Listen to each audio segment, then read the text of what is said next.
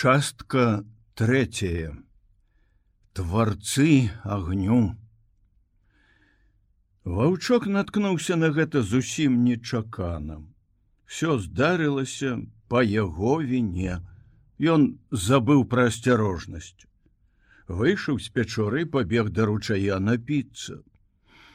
Магчыма, што ваўчок нічога не заўважыў яшчэ таму, што не паспеў канчаткова прачнуцца вся ноч прайшла на паляванні ваўчок толькі што падняўся са сну. Можа быть нядбайнасць яго тлумачылася і тым што дарога да ручая была яму добра знаёмая.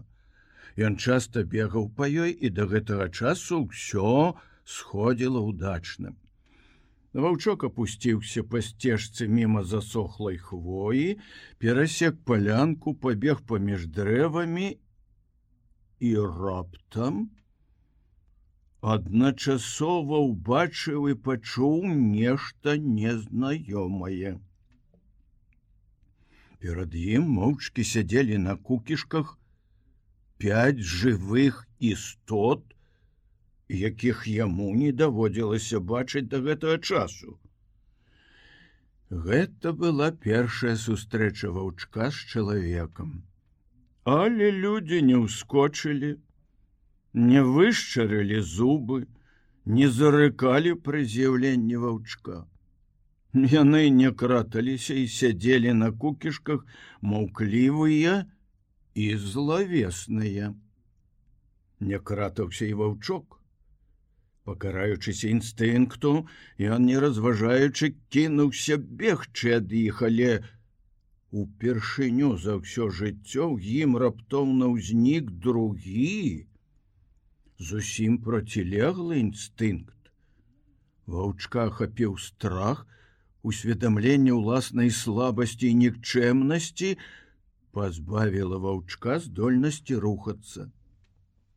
Ваўчок ніколі яшчэ не бачыў чалавека, але інстынктыўна разумеў всю яго сілу.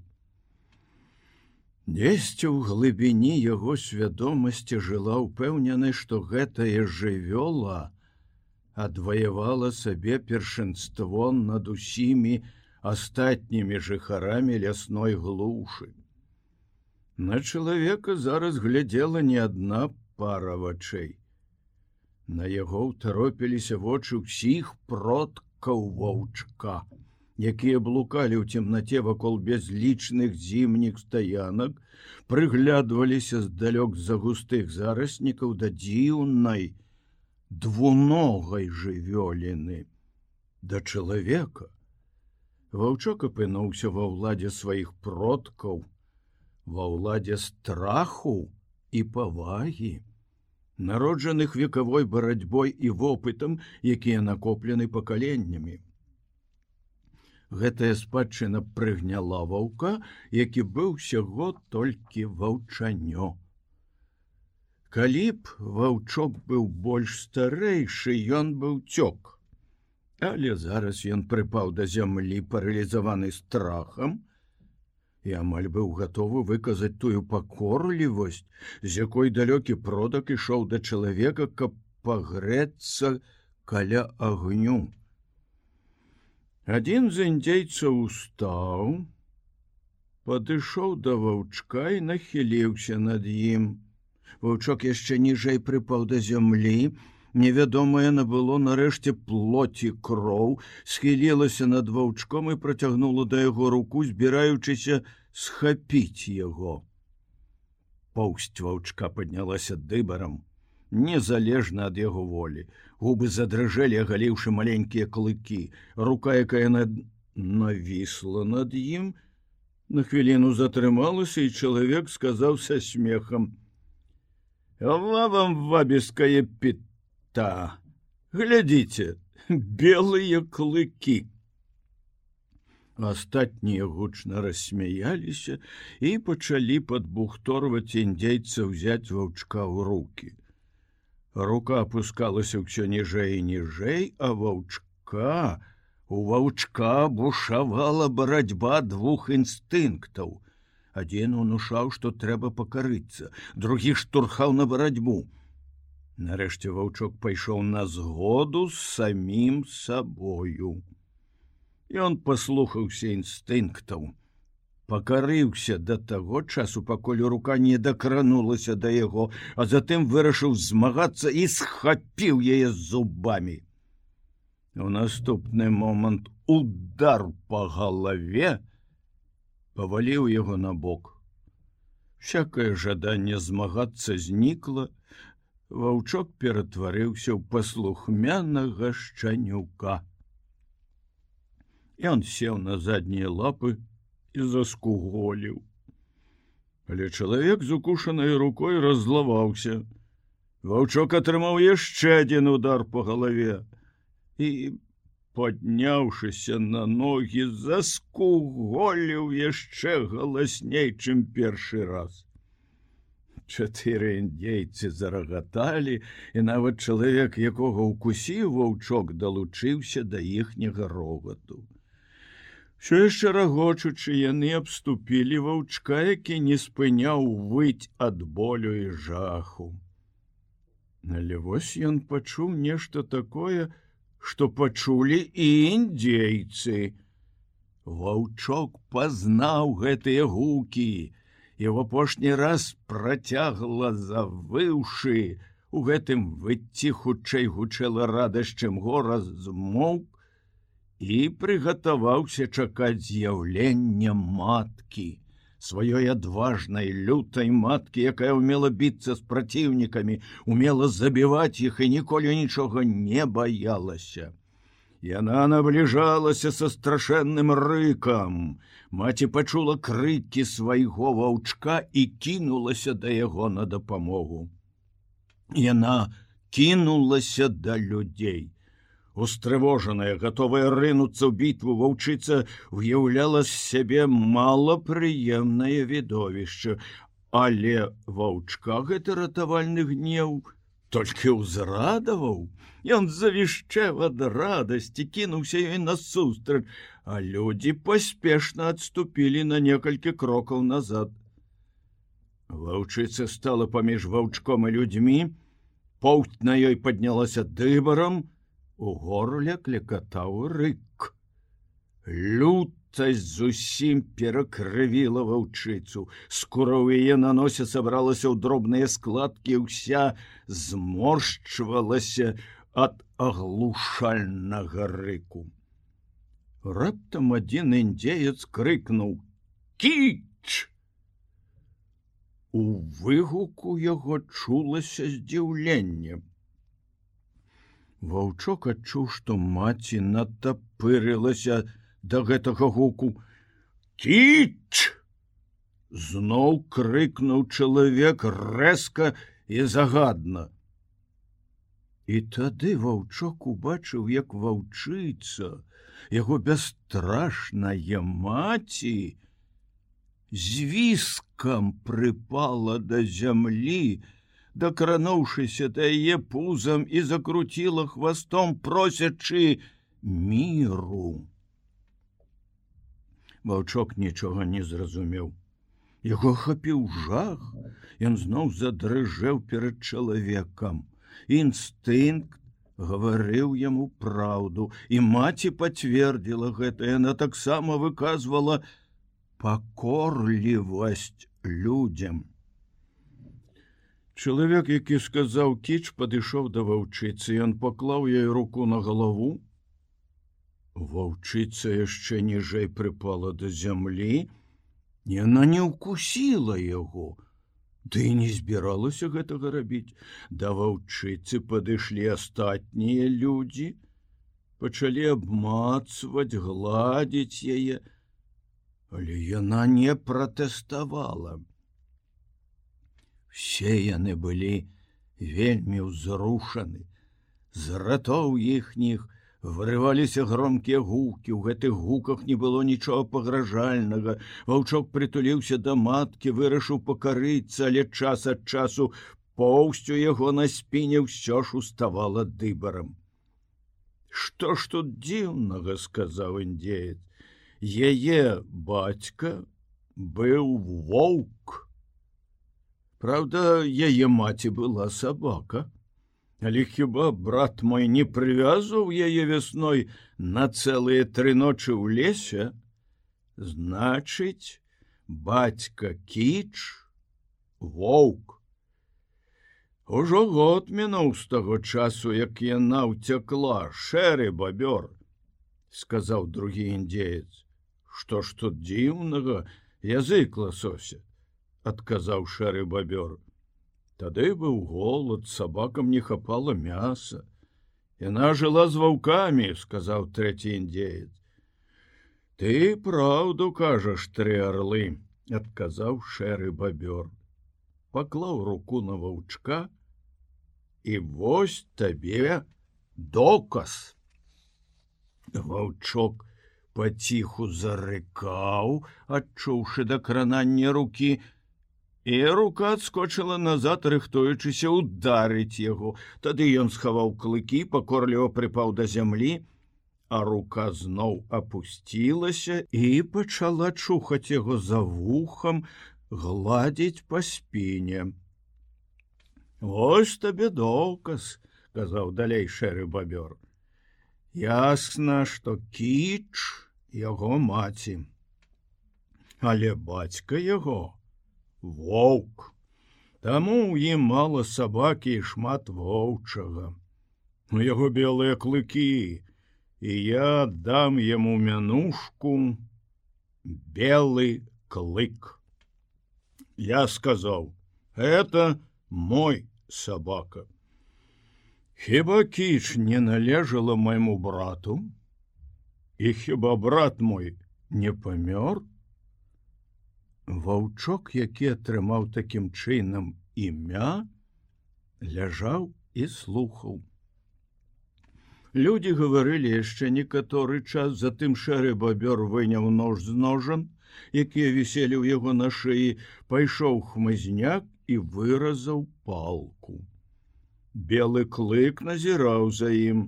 Шэры бабёр зрабіў на абодвух канцах палкі па засетцы і прывязаў да іх рамяні сырамяці. Адзін рэмень ён абвязаў вакол шыі кіч, затым падвёў яе да маленькай хвоі, і прывязаў другі рэмень да дрэва. Белы клык пайшоў за маткай і лёг побач з ёй. Язык ласося працягнуў да, да ваўчка руку, перакуліў яго на спіну. Кіч спалоха наглядзела на іх.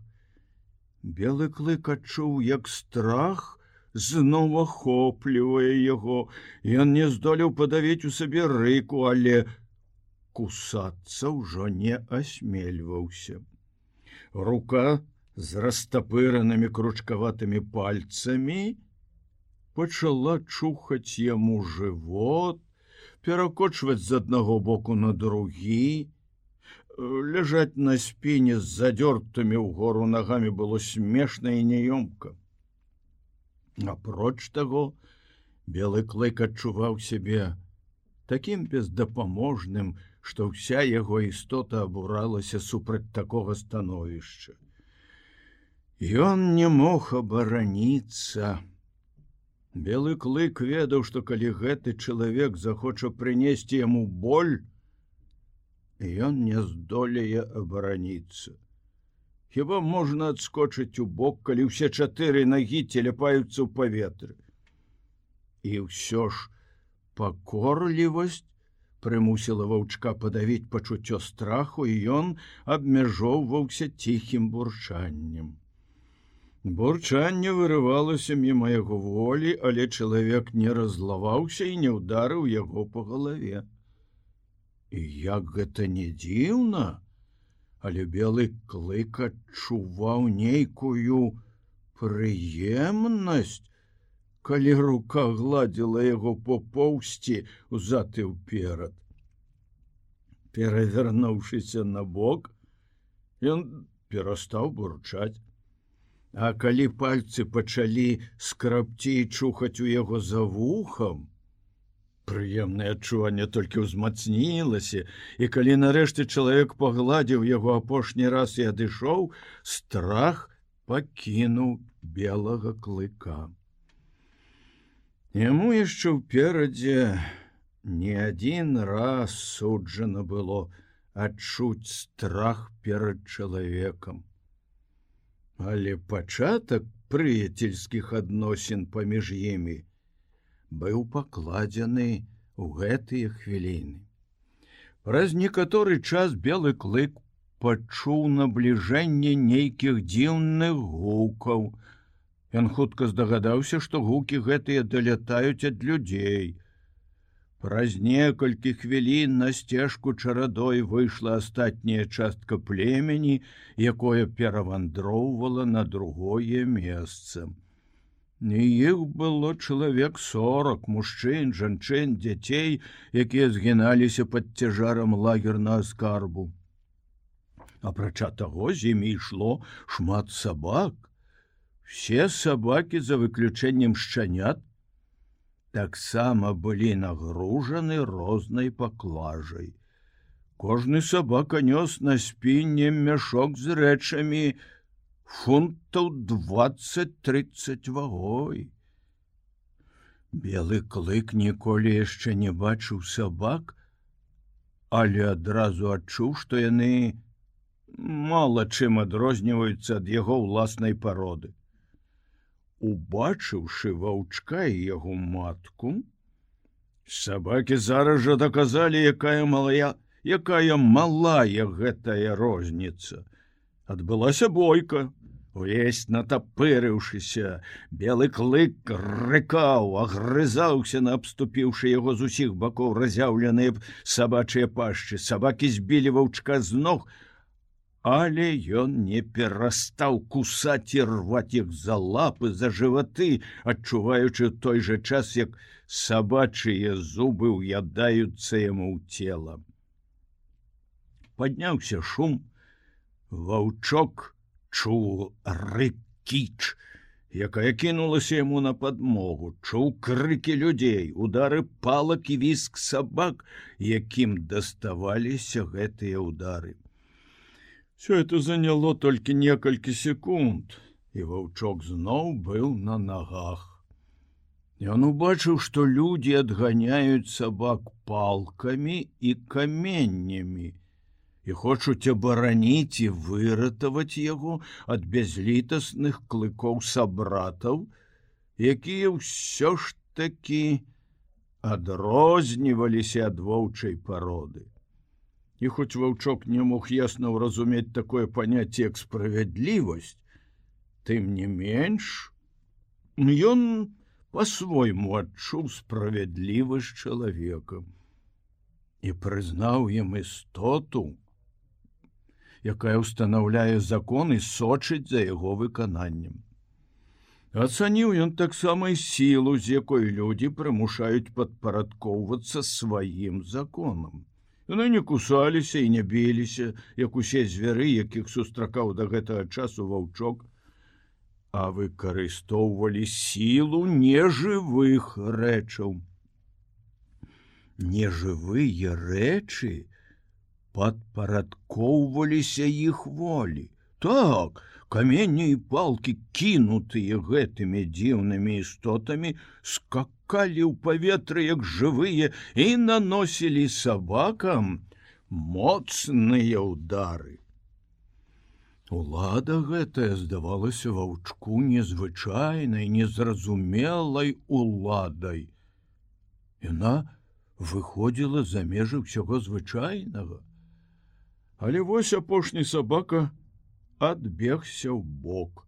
Метусня сунялася, белы клык пачаў залізваць раны, разважаючы аб першым знаёмстве з бязлітаснасцю зграі і аб сваім першым далучэнні да яе. На гэтага часу ён думаў, што вся яго парода складаецца з аднавокага, маці яго самога. Яны трое стаялі асобна. і раптам зусім нечакана яму прыйшлося выявіць, што ёсць яшчэ шмат іншых істот, якія належаць, мабыць, да яго пароды. І дзесьці ў глыбіні свядомасцю ваўчка з'явілася пачуццё крыўды на сваіх сабратаў, якія хацелі разарваць яго ў бойцы. Апрача таго ваўчок быў пакрыўджаны тым, што матку прывязалі да палкі. Хоць гэта і было зроблена рукамі вышэйшай істоты. Тут ужо пахла пасткай няволяй. Але ні аб пастцы, ні аб няволі ваўчок нічога не ведаў патрэбна свабодна блукаць бегаць ляжаць калі захочацца. Перайшла да яго па спадчыне ад продкаў. Зараз у рухі ваўчыцы абмяжоўваліся даўжынёй палкі. Тая ж самая палка абмяжоўвала і рухі ваўчка Таму што ён яшчэ не мог абысціся без маткі. Ваўчку гэта не падабалася і ён застаўся незадаволены такімі парадкамі, калі людзі падняліся і рушылі ў дарогу, таму што нейкі маленечкі чалавек узяў у руки палку, да якой была прывязана кічы і павёў яе за сабой як палонніцу, а за кіч, Пацягнуўся белы клык, вельмі збянтэжаны і занепакоены гэтым новым здарэннем. Яны адправіліся ўніз па рачной даліне, значна далей тых месцаў, куды заходзіў у сваіх вандраваннях белы клык і дайшлі да самага канца яе, дзе рэчка ўпадала у Макензі. На беразе на высокіх жэртках стаялі пакінутыя раней пірогі, ляжалі рашоткі для сушкі рыбы, і тут індзейцы сталі лагерам. Белы клык са здзіўленнем азіраўся вакол сябе, магутнасць людзей расла на яго вачах з кожнай хвілінай. Ён ужо пераканаўся ў іх уладзе над раз'юшанымі сабакамі, гэтая улада гаварыла аб сіле. Але яшчэ больш здзіўляла ваўчка іх улада над нежывымі прадметамі іх здольнасць змяняць самы твар свету. Это здзіўляла ваўчка больш за ўсё. Ён заўважыў, што людзі ўстанаўліваюць жерткі для вігвамаў. Тут не было нічога цікавага. Это рабілі тыя ж самыя людзі, якія ўмелі кідаць на вялікую адлегласць камення і палкі. Аднак калі жэрдак абцягнутых скурай парусінай атрымаліся вігвамы, белы клык здзівіўся. Больш за ўсё ваўчка здзіўлялі велізарныя памеры вігвамаў. Яны раслі ўсюды, як жывыя істоты з надзвычайнай хуткасцю амаль все поле зроку займалі. Ён баяўся іх. Яны злавесна маячылі ў вышыні, і калі ветер прабягаў па стаянцы, надзімаючы на вігвамах парусіну і скуру, Ваўчок са страху прыпадаў да зямлі, не зводзячы з іх вачэй, рыхтуючыся кожную хвіліну адскочыць у бок, як толькі яны пачнуць валіцца на яго. Але хутка яго страх перад вігвамамі знік. Ваўчок бачыў, як жанчыны і дзеці ўваходзілі і выходзілі з іх без усякай шкоды для сябе. А сабакі часта спрабавалі прайсці туды, але людзі праганялі іх з лаянкай і шпурлялі ў іх каменнямі. Над вечоркам ваўчок пакінуў кіч і асцярожна падпоўз да бліжэйшага вігвама. Яго падштурхоўвала цікаўнасць, патрэбнасць вучыцца жыць, дзейнічаць і набірацца вопыту. Апошнія некалькі дзюймаў, якія аддзялялі яго ад сцяны вігвама, ён поў страшэнна доўга і асцярожна. Падзеі гэтага дня падрыхтавалі яго да таго, што невядомае мае схільнасць з'яўляцца самым нечаканым неймаверным чынам. Нарэшце нос яго дакрануўся парусіны. Ваўчок чакаў, але нічога не здарылася. Тады ён панюхаў гэтую дзіўную тканіну, насычаную пахам чалавека, потым узяў яе зубамі і злёгку пацягнуў на сябе. Нічого не здарылася, хоць парусінавая сцяна і задрыжэла. Ваўчок пацягнуў мацней, сцяна захісталася. Ваўчку гэта вельмі спадабалася. Ён цягнуўся мацней, мацней, пакуль сцяна не пачала рухацца. Тады звіг вам данёсся рэзкі вокліч індзейкі. Ваўчок пабег да кіч. Але з гэтага часу ён перастаў баяцца вігвамаў. Праз хвіліну ваўчок зноў адышоў ад маткі. Яе палка была прывязана да калочку вагнанага ў зямлю, і ваўчыца не магла пайсці за белым клыком. Да ваўчка з ваяўнічым выглядам набліжаўся вялікі шчанюк, старэйшы і большы за яго.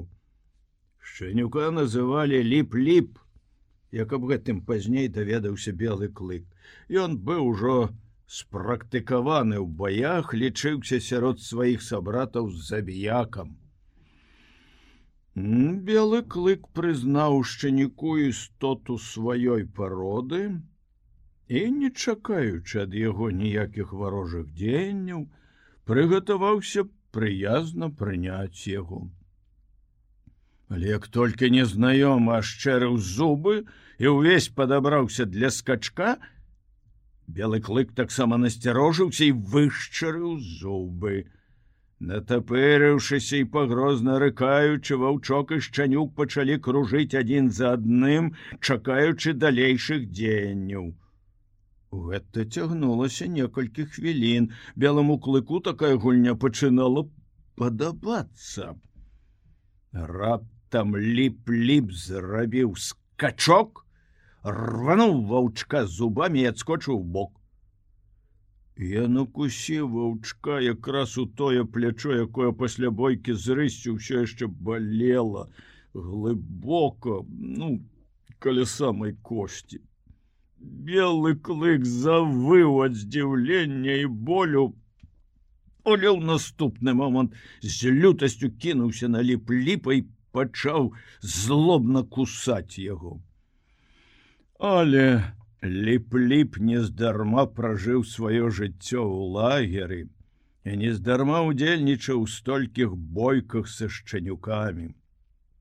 Тры, чатыры, шэсць разоў запар укусіў ён навічка сваімі маленькімі вострымі зубамі, і нарэшце белы клык з віскам ганебна ўцёк пад абарону маткі. Гэта была яго першая бойка з ліп-ліпам. І такіх боек уперадзе было шмат, таму што яны з першай жа сустрэчы адчулі варожасць адзін да аднаго, глыбокую варожасць, якая выклікала ў іх вечныя сутычкі. Кіч, ласкава облізвала белага клыка, прабуючы ўтрымаць яго каля сябе, але цікаўнасць ваўчка была ненасытная. Праз некалькі хвілін ён зноў накіраваўся на разведку і наткнуўся на чалавека, якога называлі шэрым бабром. Прысеўшы на кукішкі, шэры бабёр рабіў нешта з высохлым мохам і палкамі, якія былі раскладзены перад ім на зямлі. Белы клык падышоў бліжэй, пачаў назіраць за ім. З рота шэрага бабра вырваліся нейкія гукі, у якіх, як здалося белому клыку, не было нічога варожага, і ён падышоў яшчэ бліжэй. Жанчыны і дзеці падносілі шэраму бобру палкі, галінкі. Як відаць, справа была сур'ёзная. Цікаўнасць белага клыка так разгарэлася, што ён падышоў да шэрага бобраў сутыч, забыўшы, што перад ім знаходзіцца страшная чалавечая істота. Раптам ён убачыў, што з-пад рук шэрага бобра над палкамі і мохам пачынае падымацца нешта дзіўнае, што нагадвала туман. Потым паміж палкамі круцячыся, звіваючыся, узнікла штосьці жывое, падобнае па колеру, да солнца у небе. Белы клык не подазраваў аб існаванні агню. Агонь вабіў яго да сябе, як калісь у пячоры у дні дзяцінства яго вабіла святло. Ваўчок падпоўз яшчэ бліжэй. Ён пачуў смех, шэрага бобра і зразумеў, што ў гэтых гуках няма нічога варожага. Затым белы клык дакрануўся да полымя носам і высунуў язык.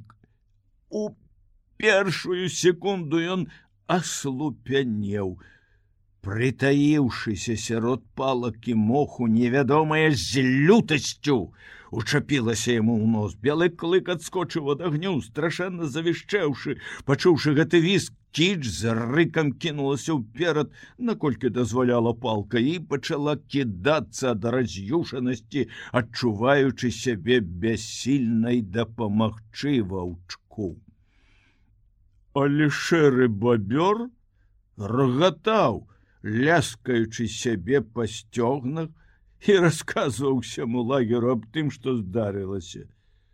Усе гучна смяяліся. На белы клык, які ўсеўся на заднія лапы вішчэў, вішчэў не сціхаючы і здаваўся такой маленькой вартай жалю фігуркай, якая была непрыметнай сярод абступіўшых яго людзей. Гэта быў самы моцны боль, якім які яму давялося перанесці.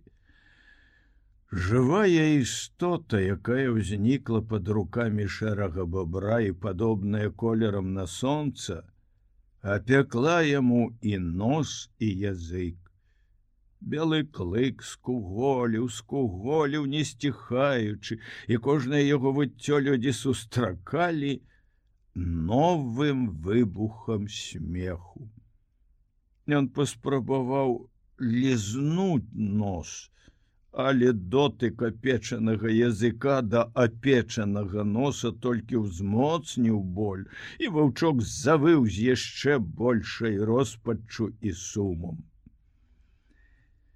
А потым яму зрабілася сорамна. Ён разумеў, чаму людзі смяюцца. Нам не дадзена ведаць, якім чынам некаторыя жывёлы разумеюць, што такое смех і здагадваюцца, што мы смяёмся з іх. Тое ж самае здарылася і з белым клыком. Яму зрабілася сорамна, што людзі з яго смяюцца. Ён павярнуўся і ўцёк, але ўцячы яго прымусіў не боль ад апёкаў, а смех.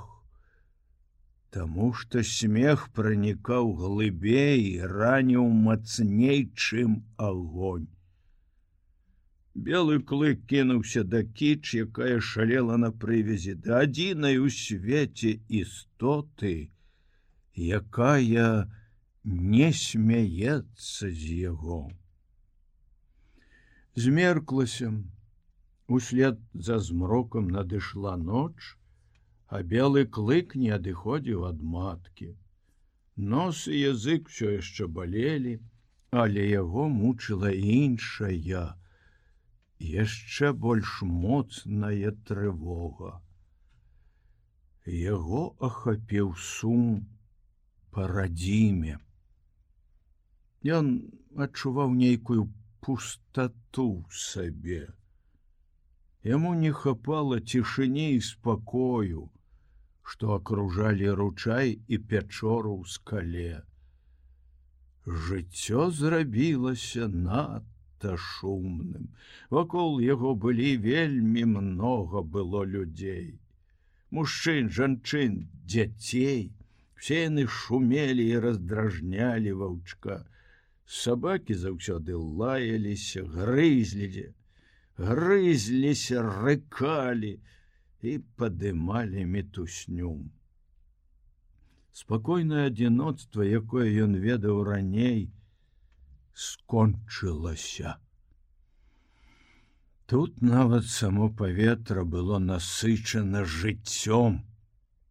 Яно і гудзела навокал белага клыка, не змаўкаючы не на хвіліну новыя гукі трывожылі і раздражнялі ваўчка, прымушаючы ў кожную хвіліну чакаць новых здарэнняў.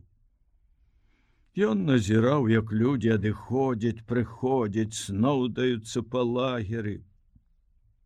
Падобна таму, як чалавек глядзіць на ім жа створаных багоў, так і белы клык глядзеў на акружаючых яго людзей. Яны былі для яго вышэйшымі істотамі, божаством.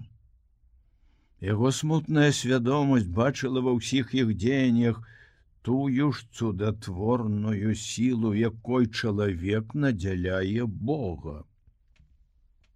Яны, былі ўладальнікамі незразумелай бязмежнай магутнасці, уладарамі ўсяго жывога і нежывога свету. Яны трымалі ў паслухмянасці ўсё, што здольна рухацца і надавалі рух нерухомым рэчам. З мёртвага моху і палак Яны тварылі жыццё, якое кусалася і колерам сваім нагадвала солнца.